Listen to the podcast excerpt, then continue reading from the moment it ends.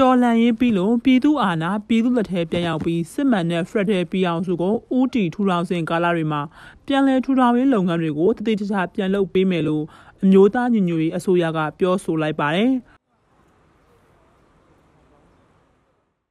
တော်လန်ရေးမှာပြည်သူတွေရဲ့ထိခိုက်နစ်နာခံရမှုတွေအတွက်စာနာဂုဏ်ယူခြင်း မှတ်သားထားခြင်းတွေကိုပြုလုပ်ထားရလို့လူသားချင်းစာနာထောက်ထားရေးနဲ့ဘေးအန္တရာယ်ဆိုင်ရာစီမံခန့်ခွဲရေးဝန်ကြီးဌာန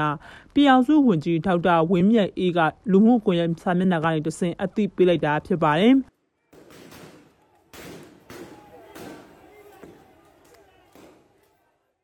လက်ရှိကလာပြည်သူခုခံတော်လှန်ပွဲတွေမှာပြည်သူကာကွယ်ရေးအဖွဲ့တွေကလက်နက်မရှိတဲ့အယက်သားပြည်သူတွေ ထိခိုက်မှုကိုတနိုင်သမျှနေအောင်အထူးကြိုးပမ်းဆောင်ရွက်ကြပေမဲ့အကြမ်းဖက်စစ်တပ်ကတော့နီလန်မျိုးစုံနဲ့လက်နက်မဲ့ပြည်သူတွေကိုအကြမ်းဖက်လူရက်တပ်ဖြတ်တာ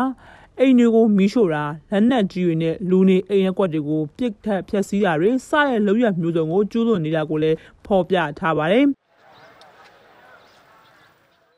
အဲ့ဒီလိုအဖြစ်ပြက်တွေအတွက်လည်းလူသားချင်းစာနာထောက်ထားမှုကူညီရေးလုပ်ငန်းတွေကို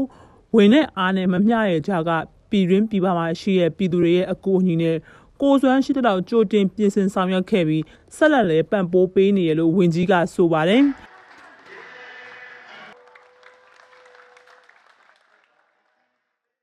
ဒီလိုပရိပခဘေးတွေဟာအကြမ်းဖက်စစ်ကောင်စီပြုတ်ကျမှပဲရက်သွားမှဖြစ်တဲ့အတွက်တော်လန်ရေးကိုအမြန်ဆုံးပြီးနိုင်အောင်ပြည်သူတွေနဲ့အတူအဘက်ဘက်ကနေကြိုးပမ်းဆောင်ရွက်နေရလို့လည်းဝန်ကြီးကဆိုပါတယ်။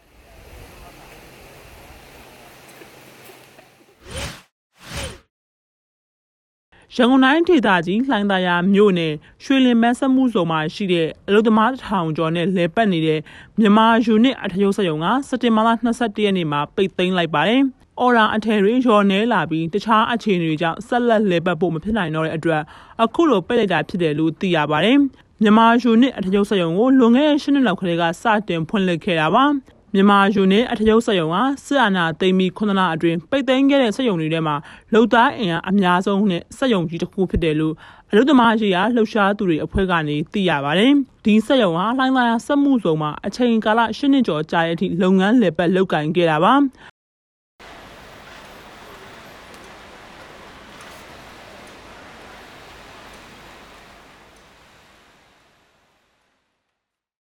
COVID-19 စတင်ဖြစ်ပွားခဲ့တဲ့2020ခုနှစ်ကစတင်ပြီးကမ္ဘာစီးပွားရေးကျဆင်းမှုတွေကြောင့်ပြည်တွင်းအထည်လုပ်ငန်းတွေကအမှားစာအော်ဒါတွေရောကျနေတာဖြစ်ပြီးအခုစစ်အာဏာသိမ်းမှုကြောင့်မှာဥရောပနဲ့အနောက်နိုင်ငံတွေရဲ့စီးပွားရေးပိတ်ဆို့မှုတွေကြောင့်နမဲကျော်အဝတ်ထည်ကုမ္ပဏီအချို့ကလည်းမြန်မာနိုင်ငံကိုအမှားစာတွေပေးပို့မှုကလည်းယာယီရဆိုင်နေတာဖြစ်ပါတယ်။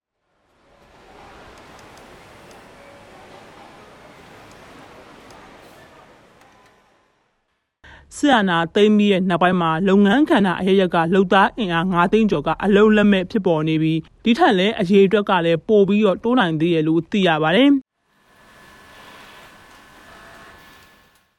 လက်ရှိမှာလက်ခစားစနစ် CMB အထည်စက်ရုံတွေအပါအဝင်ပိတ်သိမ်းသွားတဲ့ပြည်ရင်းပြည်ပစက်ရုံပေါင်းက200ကျော်ထိရှိနေပြီလည်းဖြစ်ပါတယ်။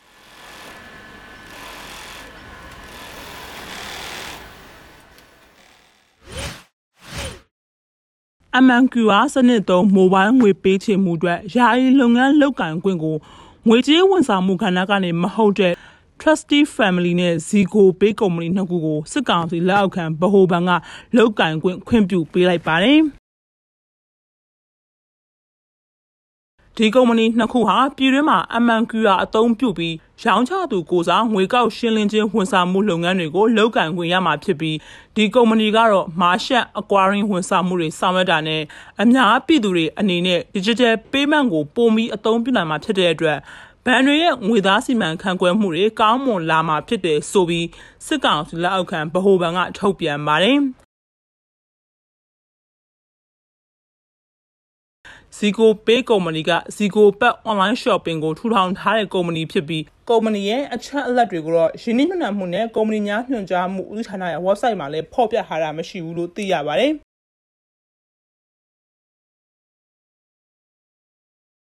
ဒီကုမ္ပဏီတွေကအရင်နာဝတလက်ထက်ထဲကစစ်ဗိုလ်ချုပ်ကြီးဟောင်းတွေနဲ့နှီးစပ်ခဲ့တဲ့အိုလံပစ်ဟိုတယ်ပိုင်ရှင်ဦးကျော်စိန်ရဲ့ Trusty Family Company နဲ့ နေပြည်တော်မှာအခြေစိုက်ပြီး Company Director နာမည်တွေမသိရသေးတဲ့ Zico Pay Company တွေဖြစ်ပြီးအခုတော့ယာယီလုတ်ပိုင်ခွင့်ရရှိခဲ့ရဖြစ်တယ်လို့သိရပါတယ်။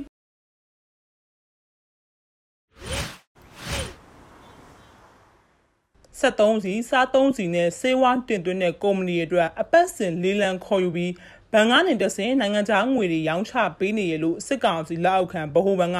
စက်တင်ဘာလ22ရက်နေ့ကထုတ်ပြန်လိုက်ပါတယ်။ နိုင်ငံတော်ဗဟိုဘဏ်အနေနဲ့အမေရိကန်ဒေါ်လာလိုအပ်ချက်ရှိနေတဲ့အထူးသဖြင့်စားသုံးစီ73စီနဲ့စေဝါကဏ္ဍတွေအတွက်နိုင်ငံခြားငွေရောင်းဝယ်ခွင့် AD လုပ်ငန်းလိုင်စင်ရှိတဲ့ဘဏ်တွေကနေတဆင့်အပတ်စဉ်လေးလံခေါ်ပြီးရောင်းချပေးနေရဖြစ်တဲ့ဆိုပြီးစစ်ကောင်စီလက်အောက်ခံဗဟိုဘဏ်ကထုတ်ပြန်ထားတာပါ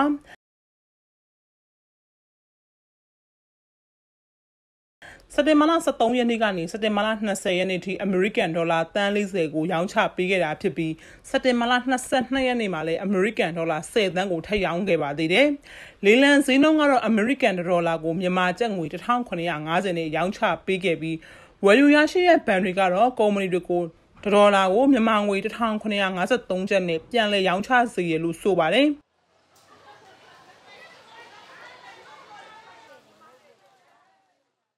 မြန်မာနိုင်ငံစီကုံတဲ့နဲ့စီလုပ်ငန်းရှင်များအသင်းကတော့စားသုံးစီစေတည်ငြိမ်စေဖို့အတွက်ဆိုပြီးဈေးကွက်မှာလည်းတပိတ်တာကိုလက်ကားဈေး4000အထက်ရှိနေတဲ့စားသုံးစီတွေကို3900ကျပ်နှုန်းနဲ့ရောင်းချပေးမယ်လို့စက်တင်ဘာလ22ရက်နေ့ကကြေညာခဲ့ပါတယ်။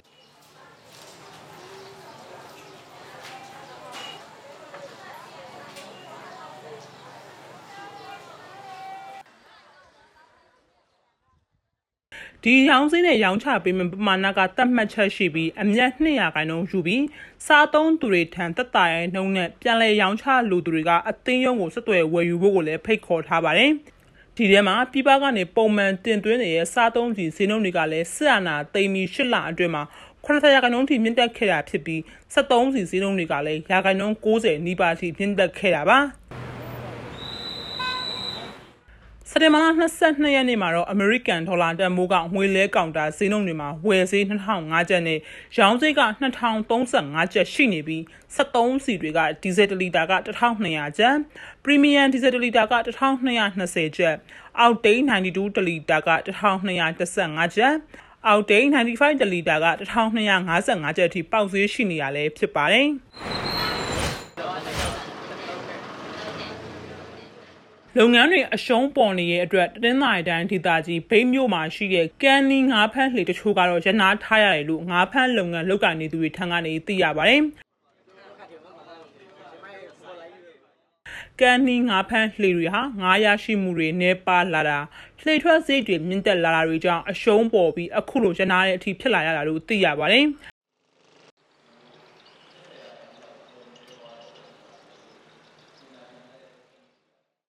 ဒါအပြင်73စီစီစားစိတ်တွေကဈေးမြင့်လာပြီးငါးစိတ်ထက်ဝက်ကျနေရတွေပါကြုံတွေ့နေရတယ်လို့သိရပါတယ်